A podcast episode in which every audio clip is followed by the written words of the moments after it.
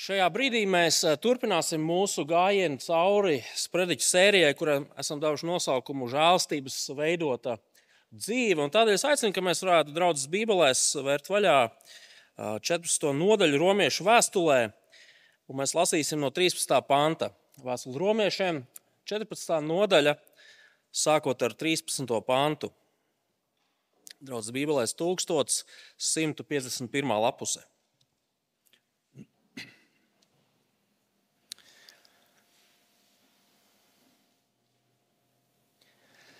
Tādēļ netiesāsim vairs cits citu, bet labāk apņemieties nelikt brālim ceļā šķēršļus vai būt viņam par piedauzību.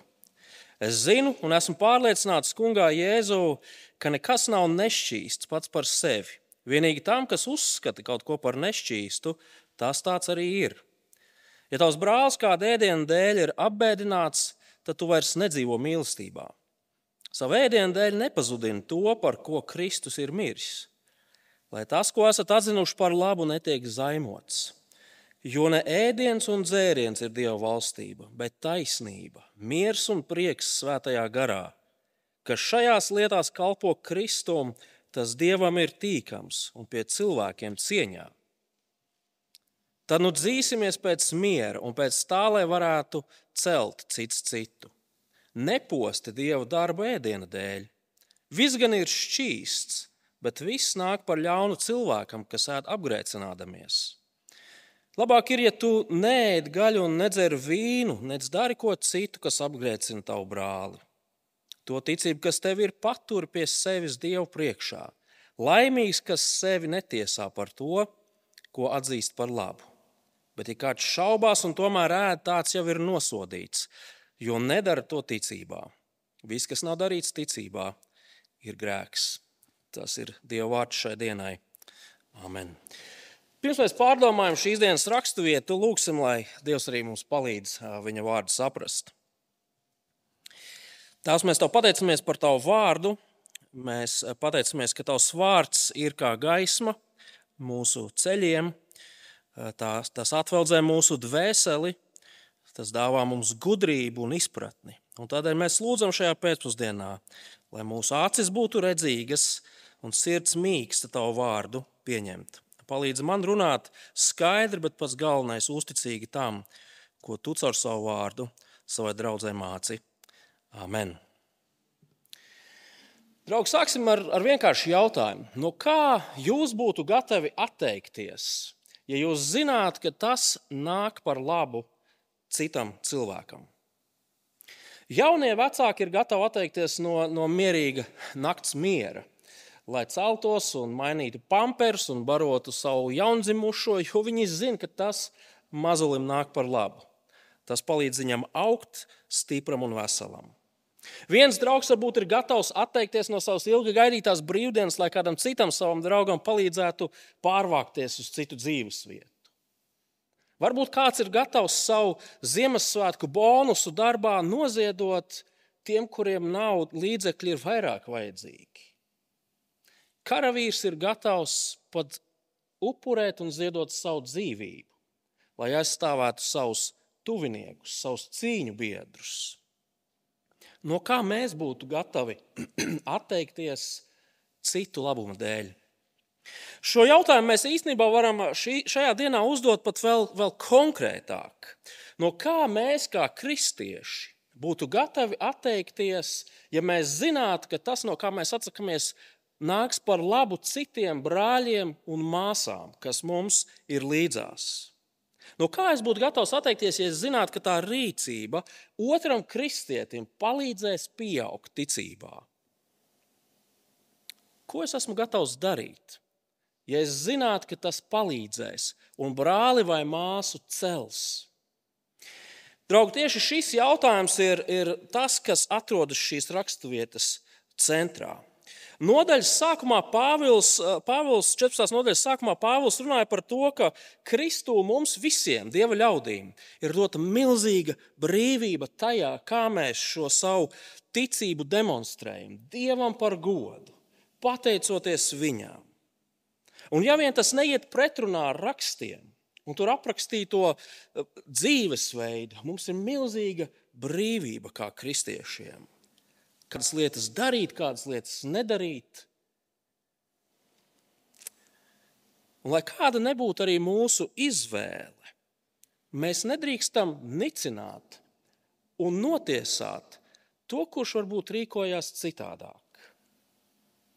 Tas ir tas, kā sākās šī 14. nodaļa. Bet šajos pantos, kurus mēs nu pat pirms brīža lasījām, mēs redzam to, ka Pāvils runā par situācijām.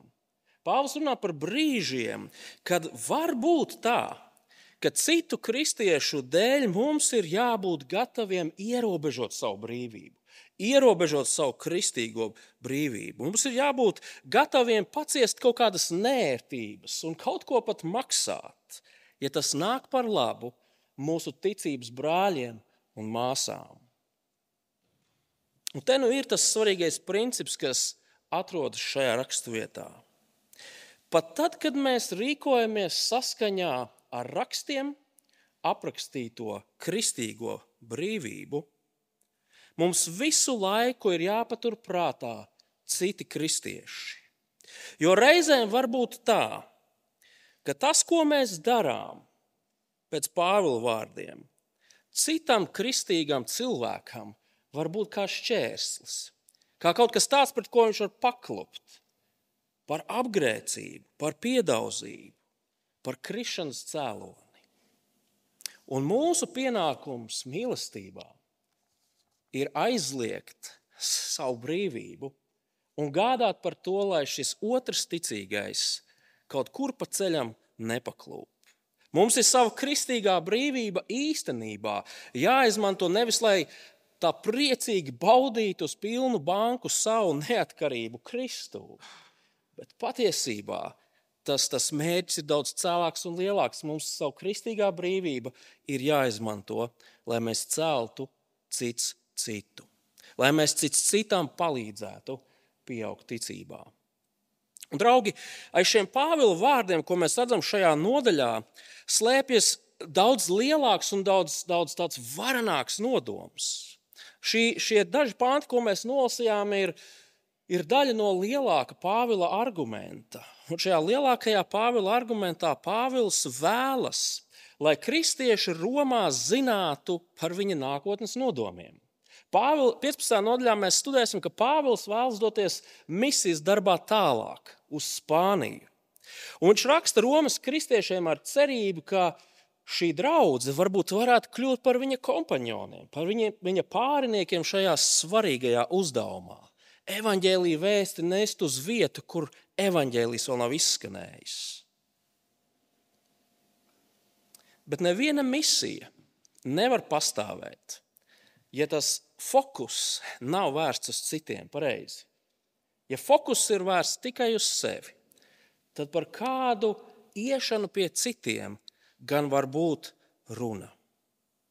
Jo kā nekā tieši šādi skatoties uz citiem, taču vislabāk un visskaidrāk izpaužas tas, ka mēs sekojam un kalpojam kungam, Jēzum Kristum, kurš skatījās uz citiem kurš citu dēļ deva tik daudz. Kristus parādītā žēlastība mums māca savas kristīgās brīvības ierobežošanu, ja nepieciešams, citu labuma, citu drošības, citu ticības izaugsmes un celšanas dēļ. Kristus žēlastība, ja gribat, mums māca būt redzīgākiem pret tiem cilvēkiem, kas ir mūsu dzīvē un kas sēž mums līdzās baznīcas solos. Tad aplūkosim šo, šo svarīgo principu nedaudz tuvāk un mēģināsim saprast, nu, kā tas attiecas uz mums 21. gadsimta draugu Rīgā. Mūsu priekšā esošie panti veido tādu, tā kā mēs varētu teikt, hamburgerīti. Divas maizītes un gaļiņa pa vidu. Un tās maizītes ir 14. 14. nodaļas 13. līdz 16. pāns, un tad 19. līdz 23. pants. Un šajās maizītes daļās Pāvils kristiešus mudina ierobežot savu kristīgo brīvību, lai, lai neliktu šķēršļus ceļā citiem brāļiem un māsām. Un tā vietā, šķēršļu likšanas vietā, ir jāgādā par to, lai tas otrs tiktu celts. Tās ir tās maizītes. Un tad pa vidu tā gaļiņas daļa, 14. nodaļas, 17. un 18. pāns. Pāvils runā par to svarīgo lielo iemeslu. Nu, kāpēc? Kāpēc tas ir tik svarīgi un nepieciešami? Tad nu, sāksim, sāksim ar to maizīti. Ierobežo savu kristīgo brīvību citu dēļ. Vēlreiz nolasīsim no 13. panta. Tādēļ netiesāsim vairs cits citu, bet labāk apņemsimies nelikt brālim ceļā šķēršļus vai būt viņam par piedauzību. Es zinu un esmu pārliecināts, kungā Jēzu, ka nekas nav nešķīsts pats par sevi. Vienīgi tam, kas uzskata kaut ko par nešķīstu, tas tāds arī ir. Ja tavs brālis kāda ēdiena dēļ ir apbēdināts, tad tu vairs nedzīvo mīlestībā. Savu ēdienu dēļ nepazudini to, par ko Kristus ir miris. 13. pāns pasaka ļoti skaidru pavēli. Un šī pavēle nedaudz citādiem vārdiem viņa atkārtojās vairāk kārt šajos pantos. Apņemieties nelikt brālim ceļā šķēršļus vai būt viņam par piedauzību. Vai, piemēram, 20. pāns - nepost dieva darbu ēdiena dēļ. Um, šķērslis ir, jeb, jeb piedauzība, jeb tas klupšanas uh, objekts, var būt jebkas, kas atrodas mūsu ceļā, um, un kas mums traucē iet uz priekšu, vai ne, virzīties uz priekšu. Nakts melnumā dzīvokļa vidū nolikts maziņš LEGO klucīts var būt milzīgs šķērslis cilvēkam, kurš nezinu, kāda iemesla dēļ dodas uz virtuvi pie leduskapja. Uh, tie, kas ir saskārušies ar šo briesmoni, lieliski zina, par ko es runāju. Katru gadu Rīgā tiek rīkoti dažādi pasākumi, velomaratons, lielais Rīgas maratons. Un tas nozīmē, ka daudzas ielas tiek norobežotas. Un tiem, kas dzīvo upes otrajā pusē, tas vienmēr ir izaicinājums paspēt vai nepaspēt laikā uz dievkalpojumu, tāpēc, ka ir jābrauc daudz dažādu šķēršļu, ierobežojums. Un Pāvils saka, attiecībās ar ticības brāļiem un māsām Gādājiet par to, ja jū, lai jūs neliktu viņam vai viņai ceļā šķērsli. Kaut ko tādu, pret ko viņi var aizķerties, paklupt un nokrist. Kaut ko tādu, kas viņiem traucētu iet uz priekšu, traucētu pieaugt. Bet par ko Pāvils šeit runā? Un, lai to saprastu, mums īstenībā šajā brīdī ir uz, uz kādu, kādām dažām minūtēm jāpārceļās uz pirmo gadsimtu, pirmā gadsimta Roma. 14. un 15. pāns mums atklāja to būtību. Es zinu, esmu pārliecināts kungā Jēzū, ka nekas nav nešķīsts pats par sevi. Vienīgi tam, kas uzskata kaut ko par nešķīstu, tas tāds arī ir. Ja tavs brālis kāda ēdiena dēļ ir apbēdināts, tad tu vairs nedzīvo mīlestībā. Sava ēdiena dēļ nepazudini to, par ko Kristus ir miris. Pāvils saka, draugi, ēdienam pašam par sevi nav nekādas problēmas. Kristietis ir brīvs ēst visu. Ja tu pirms dievkalpojuma gribi apēst rupmaizi ar cūkas taukiem un sīpoliem, tu droši to vari darīt. Tikai, nu, varbūt nerunā pēc tam ar cilvēkiem, tā teikt, ievēro distanci. Bet tu to vari darīt. Dievs tev to ļauj. Pateicies un ēd, ja tu gribi garneli, pateicies un ēd. Glāzi šardonē, pateicies un izdzer.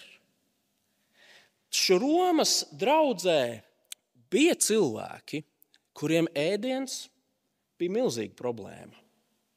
Viņu sirdsapziņa neļāva ēst pilnīgi visu. 14. nodaļas sākumā mēs redzējām, ka Pāvils šos cilvēkus, šos kristiešus sauc par ticībā vājajiem. Un es atgādināšu, ka ticībā vājais nenozīmē, ka viņš ir kaut kāds neticīgais, vai ka viņš ir kaut kāds dīvainis, vai ka viņš ir kaut kādā ziņā sliktāks, vai ka viņš ir kaut kāds tāds, es nezinu, nu tāds otrās šķiras kristietis. Nē, viņš ir normāls kristietis. Viņš paļaujas uz Dieva žēlstību, viņš turās pie Dieva žēlstības, viņš pielūdz kungu par savu glābēju.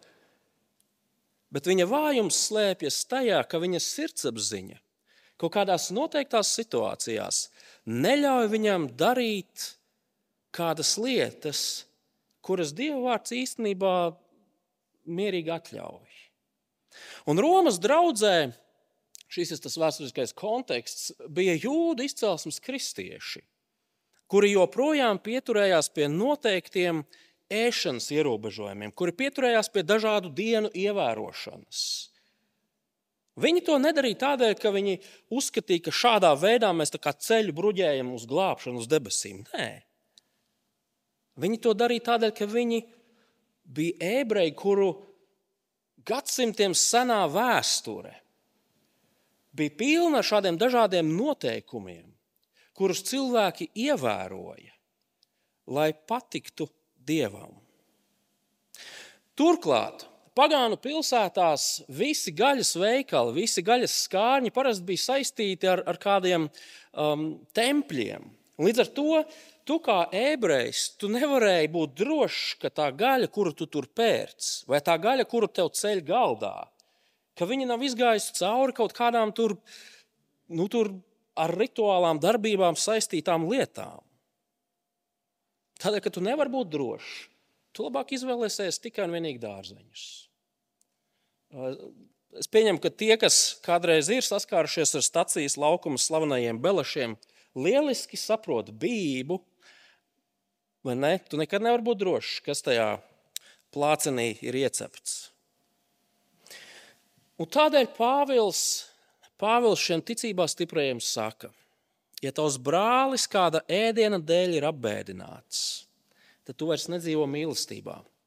Sava ēdiena dēļ nepazudini to, par ko Kristus ir miris. Citiem vārdiem sakot, draugs, esi gatavs ierobežot savu, brīvības, savu brīvību brāļa un māsas mīlestības dēļ.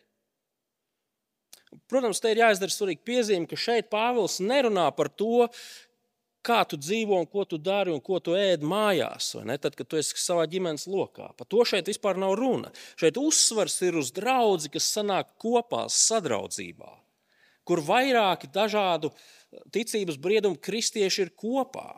Šādās situācijās sadraudzība ar brāli un māsu ir daudz svarīgāka nekā tavas taisnības pierādīšana. Kristus par šo vājāko ir miris, Pāvils saka. Kristus deva savu dzīvību. Un, un tādēļ tu neesi gatavs atdot savu šniceli, savas ribiņas, cūkuribiņas, es domāju. Savas brīvības izdzīvošana, apbēdinot savu brāli Kristu, nav laba lieta. Pāvils saka, tā nav mīloša lieta, tā ir slikta lieta. Skaties, kādu cenu Kristus, tavs valdnieks, ir devis par šo brāli vai māsu, lai viņu izglābtu. Un uzdod jautājumu, ko esi gatavs maksāt tu, lai šo brāli un māsu celtu, nevis klupinātu. Manuprāt, tik tālu skaidrs, vai ne?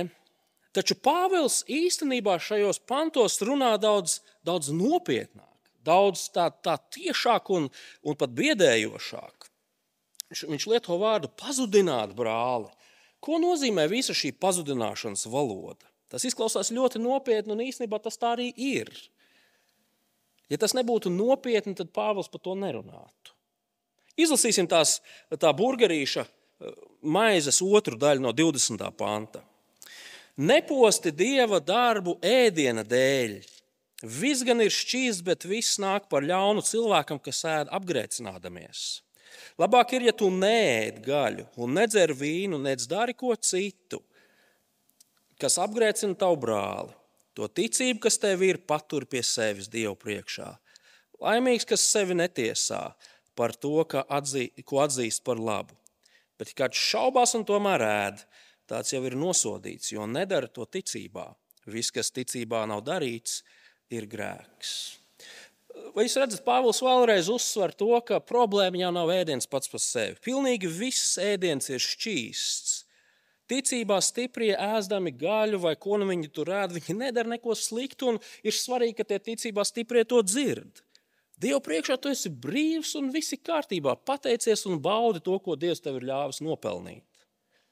Bet ir kristieši, kuri ēdot gaļu, apgrēcinātos Kā to saprast? Vienkārši viņu sirdsapziņa šaubās par to, vai šīs lietas darīšana ir laba un pareiza. Ja tu ēd, domādams, ka tas ir grēks, ko tu tagad dari, tad priekš tevis tas arī ir grēks. Ja tev liekas, ka kādas lietas darīšana ir slikta Dieva priekšā, un tu to izdari, tad tu grēko. Pat ja objektīvi Dieva vārds šo tavu rīcību nenosoda, priekš sevis tu rīkojies tā, it kā tu grēkot. Un tava sirdsapziņa tevi nosoda, viņa tevi apsūdz, viņa tev neliek mieru. Un tieši tādēļ Pāvils tik nopietni mudina ticībās stipros Romas kristiešus ierobežot savu brīvību, lai šos ticībā vājos neklupinātu, lai, lai nespiestu viņiem darīt lietas, kuras viņi nav pārliecināti, vai viņiem tās vajadzētu darīt. Gādā par to, lai tas otrs, kurš nāk no jūdu izcelsmes, kurš ir uzaudzis noteiktā kontekstā ar noteiktām lietām, lai viņš neizjūt spiedienu darīt to, pret ko viņa sirdsapziņa iestājas. Un mēs saprotam, kā tas strādā pareizi. Jo grēka sajūta ir kā tāda smaga nasta. Un, un, un ja šī nasta netiek no mums paņemta nost, tā kristietim traucē augt. Tā, tā kristietim traucē ar prieku pagodināt Dievu, pateikties Dievam. Tā kristieti nospiež, tā kristietim neļauj pieaugt. Un reizēm var pat gadīties tā, ka ka, lai atbrīvotos no šīs nu, smaguma sajūtas, mēs kaut kā mākslīgi sākam to sirdsapziņu klusināt. Bet arī tas nav labi. Jo šādi rīkojoties, mēs īstenībā kaut kā neapzināti, bet mēs mācāmies ignorēt. Ignorēt un nepaklausīt. Un mazināt grēka nodarījumu. Tas ir tas vēsturiskais konteksts, un tas ir tas, kādēļ Pāvils tik ļoti stingri runā par šo 14. nodaļas aprakstīto principu. Un kaut kādā ziņā mēs varētu teikt, nu, zini, mēs dzīvojam Rīgā 21. gadsimtā, mēs jau nesaskaramies tik ļoti ar, ar, ar ebreju izcelsmes kristiešiem vai varbūt musulmaņu vai ne, tiem arābu zemju kristiešiem, vai, vai varbūt tās kādu, kurš visu dzīvi bijis hinduismu reliģijā, un tagad viņš ir kļuvis par kristieti. Ja mums darbs saistītos ar šādiem cilvēkiem, tad mēs šo, šo principu saprast, kā tas strādā pareizi. Tādēļ var būt jautājums, kā tas attiecās uz mums, kuri šķietami nav saistīti ar šīm lietām. Bet, manuprāt, šis princips ka mums ir jābūt gataviem ierobežot savu kristīgo brīvību citu kristiešu, ticībā vājo kristiešu dēļ. Viņš patiesībā ir ļoti universāls princips. Viņš, viņš attiecās uz visiem laikiem, uz visiem gadsimtiem. Un, un arī uz mums, uz mūsu draugiem šeit, un arī mums, kā, kā kristiešiem. Mēs, piemēram, to varam attiecināt situācijās, kad saskaramies ar, ar jauniem kristiešiem vai varbūt ar kristiešiem, kuriem ir ļoti jūtīga sirdsapziņa. Un bieži vien jauns kristietis un ļoti jūtīga sirdsapziņa viņi tā kā iet kopā. Es nezinu, vai tas ir bijis jūsu gadījums, bet tas katrā gadījumā bija mans stāsts. Zaļš kristietis ļoti jūtīgs pret daudzām lietām. Jauns kristietis viņš ir tik ļoti pateicīgs par Dieva žēlastību, ko ir saņēmis. Viņš tik ļoti vēlas aiziet prom no tās grēka skartās vecās, vecās dzīves, vecā dzīvesveida. Viņš tik ļoti vēlas pagodināt savu kungu, darot tikai un vienīgi to, kas ir labs un pareizs. Reizēm gadās pāršaut pāri strīpai, varbūt, kā Latvijas saka. Un redziet, visas šīs lietas, par kurām Pāvils runā, Un arī mēs esam aicināti domāt, tās parasti saistās ar tādām ikdienišķām lietām, kas kādam varbūt šķiet tiešām nenozīmīgas un mazsvarīgas, kaut kādi sīkumi un nieki. Taču vienlaikus tas, kas vienam ir sīkums un nieks, varbūt kādam citam, ir kā tāds šķērslis, pret kuru viņš var paklupt un nokrist. Daži piemēri. Pirmais piemērs ir tāds vis, vistriviālākais. Tad, kad es braucu ar mašīnu, man parasti patīk klausīties mūziku, kur nu, vairāk ir tādas ģitāras, un basi un bungas, un tā teikt, pagriezt skaļāk un gaudo līdzi.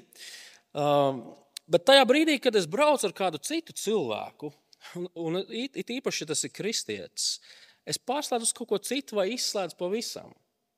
Kāpēc? Es to daru tādēļ, ka savas pašas, savu paša jaunības pieredzes dēļ es zinu, ka mūzika īstenībā var būt viena no šīm lietām, kas var kādam likt paklupt.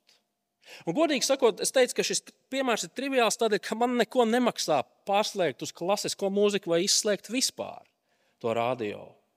Taču to, to es minu tādēļ, ka tas ir spilgts piemērs tai, tai domāšanai, kādai mums vajadzētu būt. Ka pat par tādiem sīkumiem mēs reizēm aizdomājamies.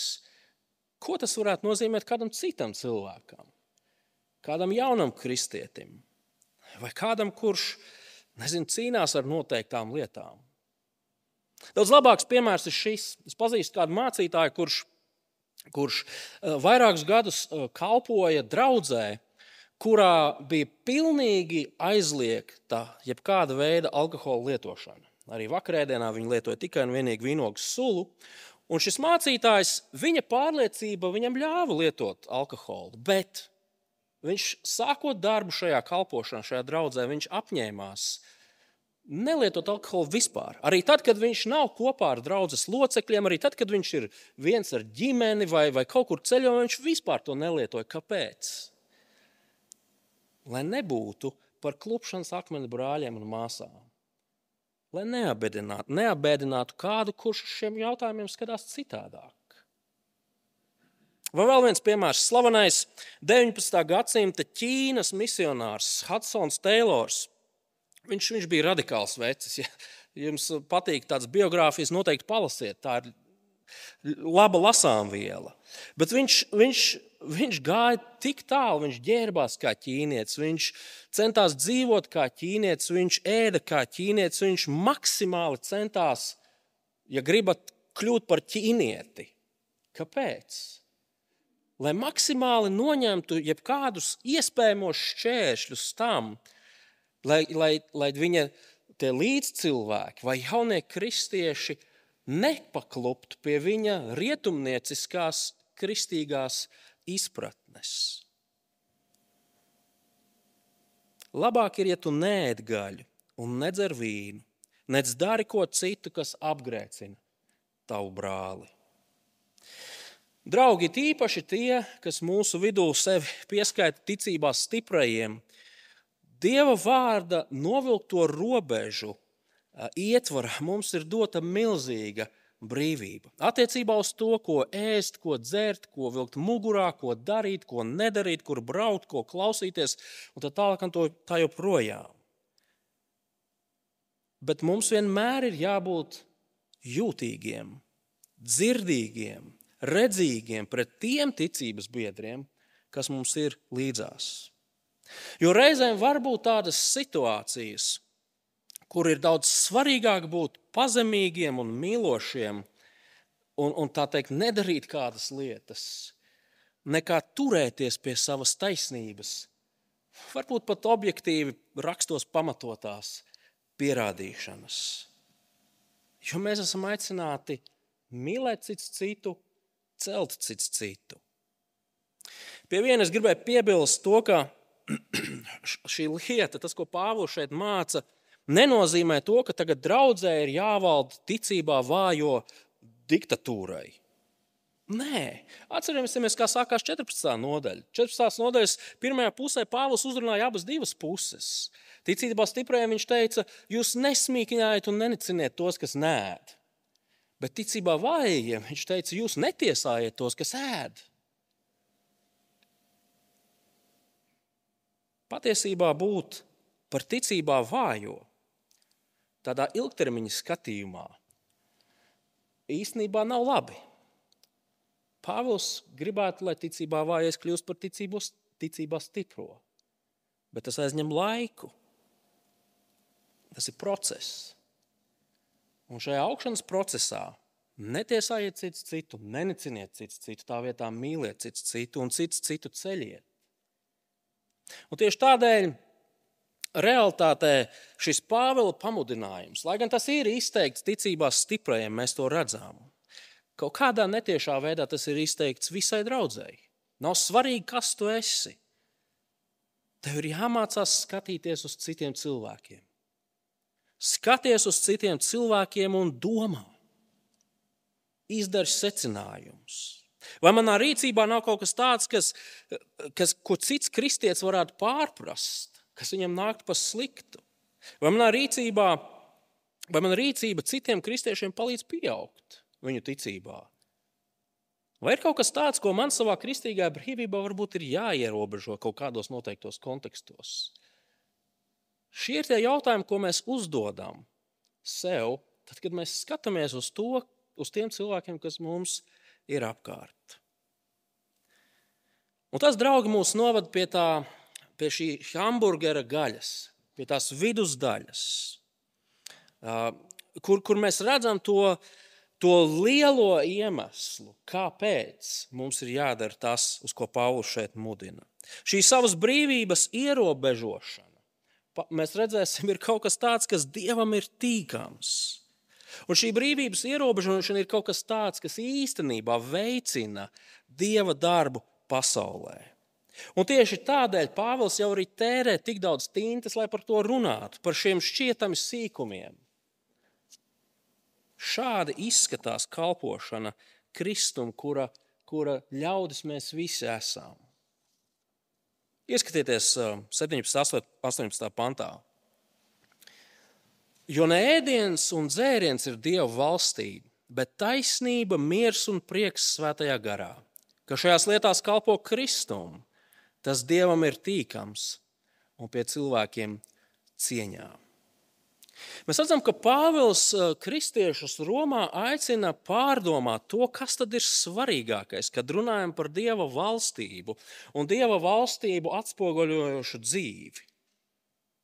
Un tā vien izskatās, vai ne, šajos pantos, ka taisnība, miers un prieks svētajā garā īstenībā ir svarīgāki par, par tavu kristīgo brīvību, par ēdienu un dzērienu.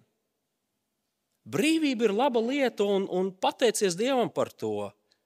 Bet vēl svarīgāk ir tas, ka mēs savā dzīvē demonstrējam taisnību, mieru un prieku. Lūk, kurā, lūk lietas, kurām ir jābūt kristiešu savstarpējās attiecībās redzamām. 18. pantā mēs redzam, ka šajā, šīs, šajās lietās mēs kalpojam Kristum varbūt nedaudz precīzāks tulkojums ir šādi mēs kalpojam Kristum.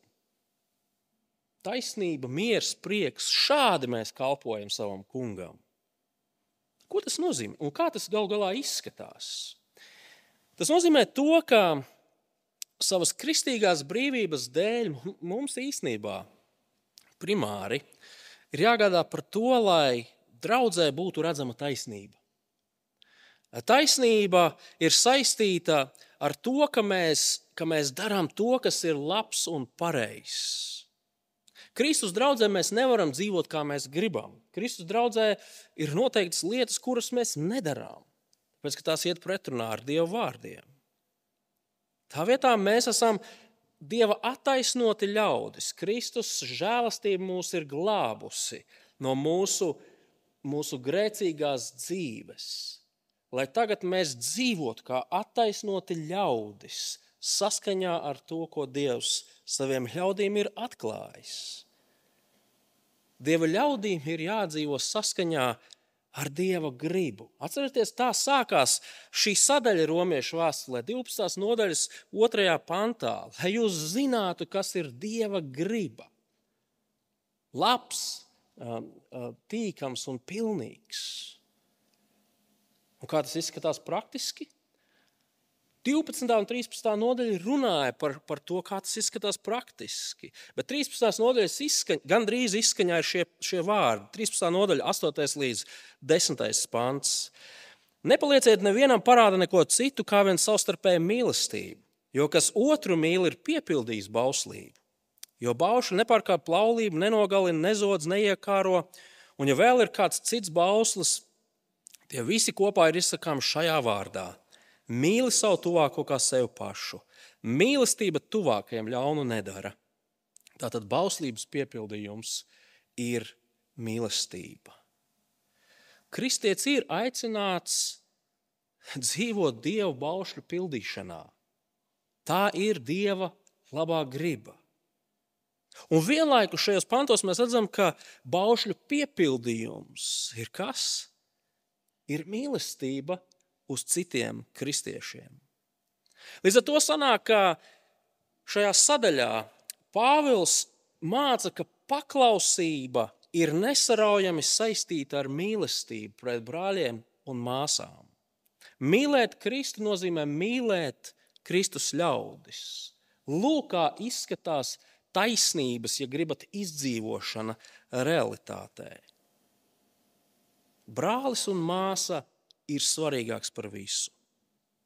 Kristum viņa ļaudis, pilnīgi visi, par kuriem viņš savu dzīvību ir devis, ir mīļi, dārgi, vērtīgi. Viņš par viņiem nomira. Pirms dažiem mēnešiem es biju vienā pasākumā, kur, kur bija tāds brīdis, kur visi bija teikt, vienā telpā. Es neatceros, vai tur bija kāda aktivitāte vai kas. Bet viena no mazmeitiņām savai, savai vecmāmai pajautāja, vecmāmiņ, kurš no mazbērniem tev ir vismīļākais? Un tur bija arī citi mazbērni un citi teikt, draugi un rādi. Un, un uz, uz dažām sekundēm iestājās kapa klusums. Ko vecmāma atbildēs? Draugi, Dievam pilnīgi visi viņa ļaudis, par kuriem Kristus ir devis savu dzīvību, ir ārkārtīgi mīļi. Dievam nav favorītu, Dievam nav mīļāko vai mazāk mīļo kristiešu. Neabēdini savu brāli.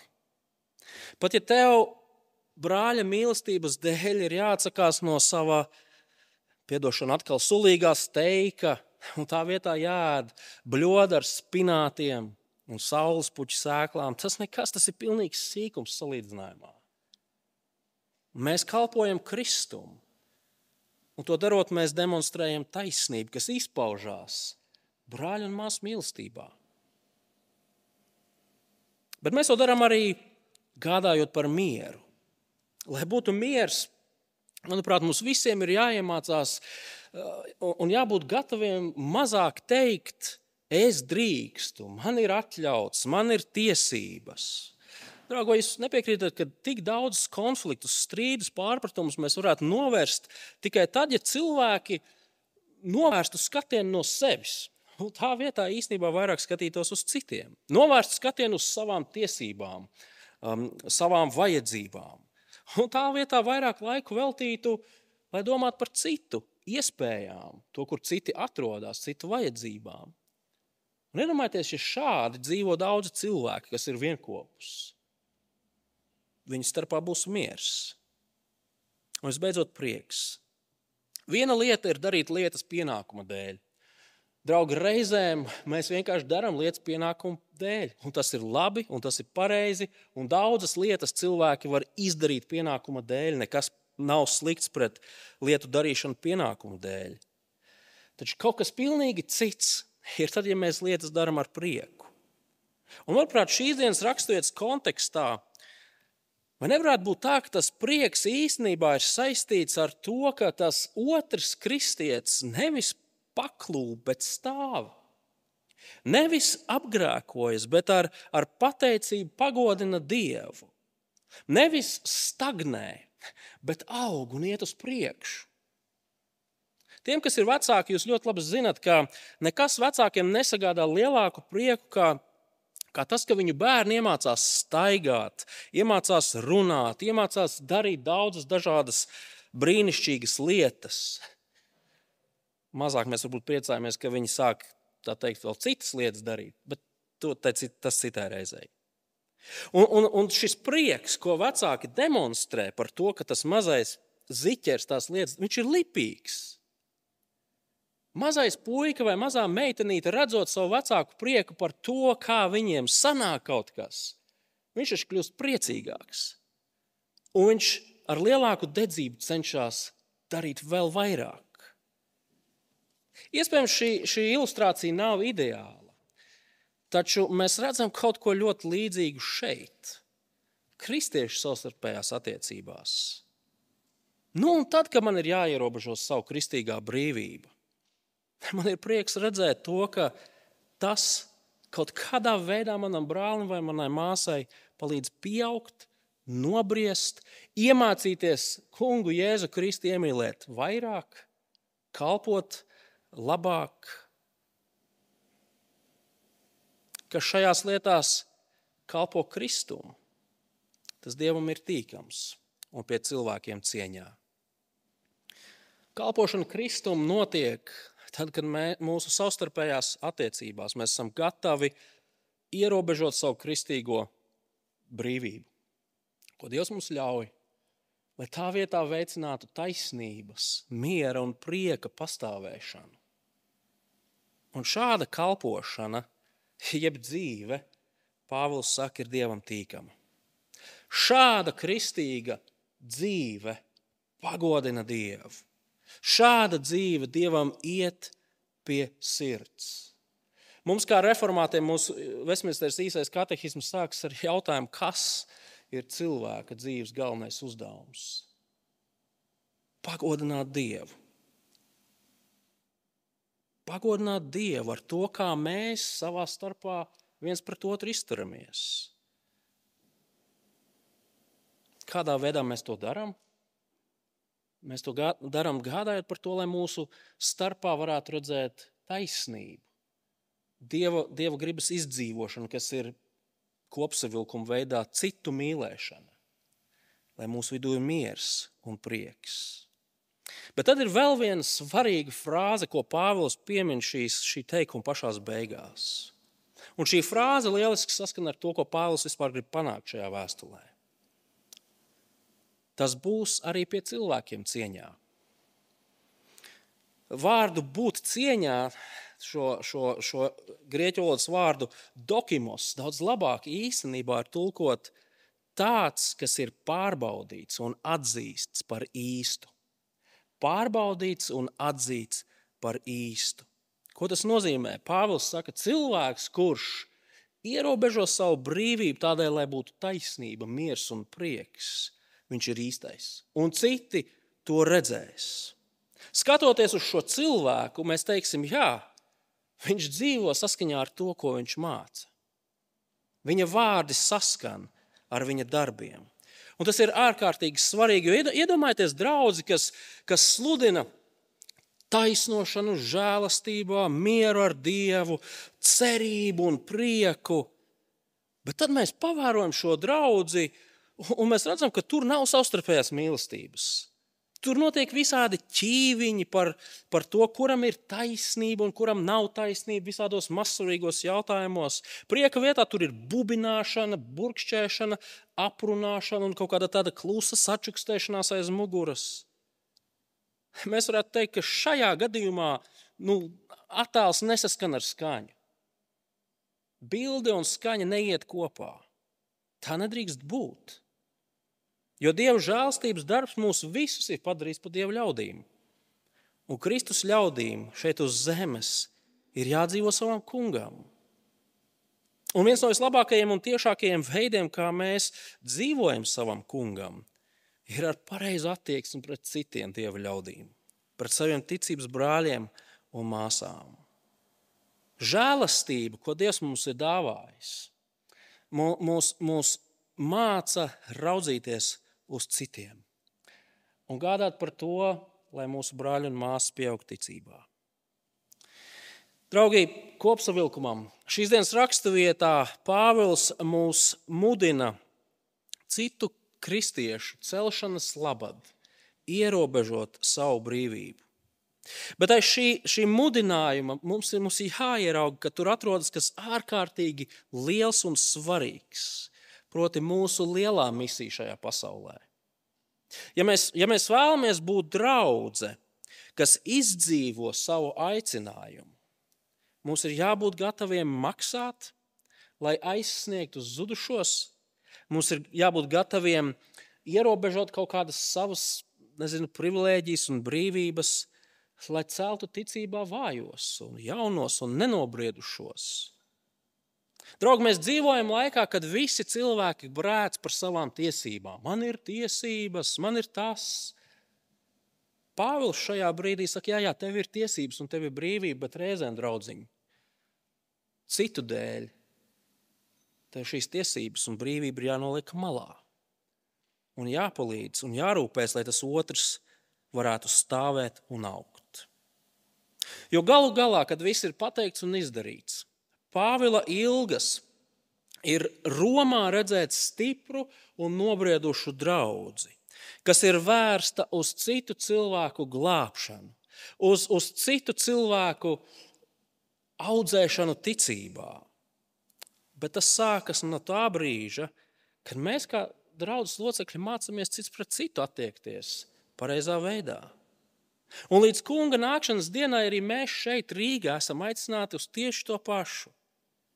Cits citu netiesāsim, nenicināsim, jo mēs taču esam viena kunga ļaudis. Kungs par mums visiem deva savu dzīvību. Un, un tā vietā vairāk domāsim par to un gādāsim par to, kā mēs varam cits citam palīdzēt pieaugt ticības briedumā. Un mēs zinām, ka šī pieaugšana nenotiek ātri. Tas ir lēns, mokošs process, tas prasa daudz laika. Bet, draugi, tas ir svarīgi. Kāpēc? Tāpēc, ka šajā, šādā draudzē skaņa un attēls saskan. Šādā draudzē darbi un vārdi saskan. Šādā draudzē Dieva ļaudis pieaug. Šādā draudzē Kristus raksturs ir redzams tajā, kā kristieši savā starpā dzīvo. Šādā draudzē skatās uz citiem cilvēkiem, ne tikai uz tiem, kas šeit atrodas iekšpusē, bet arī uz tiem, kas atrodas aiz šīs baznīcas biezajiem mūriem. Šāda draudzene izdzīvo savu identitāti, uz ko Kristus viņus ir aicinājis. Šāda draudzene apzinās un īsteno savu, savu cēlo, savu dižo, savu lielo misiju šajā pasaulē. To, kāpēc mēs vēl, še, vēl esam šeit, nevis pie Kunga debesīs. Šāda draudzene Dievam ir tīkama un pie cilvēkiem cieņā. Lūksim Dievu. Dabas tās patiesi mēs tev pateicamies par tavu žēlstību. Bez tavas žēlstības nav iedomājama mūsu glābšana, bez tavas žēlstības nav iedomājama mūsu ikdienas dzīve un arī tas, kas mūs sagaida nākotnē, bez tavas žēlstības nav iedomājams. Un mēs tev tiešām no sirds pateicamies, ka mums nav jādara nekas, lai mēs šo žēlstību saņemtu. Bet vienlaikus tajā brīdī, kad mēs esam saņēmuši šo žēlstību, mūsu kungs mūs aicina mācīties dzīvot citādāk. Un tādēļ mēs lūdzam, atcaucoties uz šīs dienas raksturvietu, kungs, ka mēs savā žēlst, žēlstības satvēruši, patiesi iemācītos raudzīties cits uz citu, pamanīt cits citu. Tā pa īstam ieraudzīt, kur mēs katrs esam. Un pēc tam domāt par to, kā es varu palīdzēt savam brālim un māsai augt. Un ko mēs kā draugi kopumā varam darīt labāk, lai vēsts par mūžīgo valdnieku un glābēju Jēzu Kristu izskanētu ne tikai šeit, bet arī tālu aiz mūsu ēkas sienām. Tēvs, pateicamies Tev par to visu, ko Tu dari mūsu vidū, un lūdzām savā žēlstībā turpini mūs audzināt un audzēt Jēzus vārdā. Amen!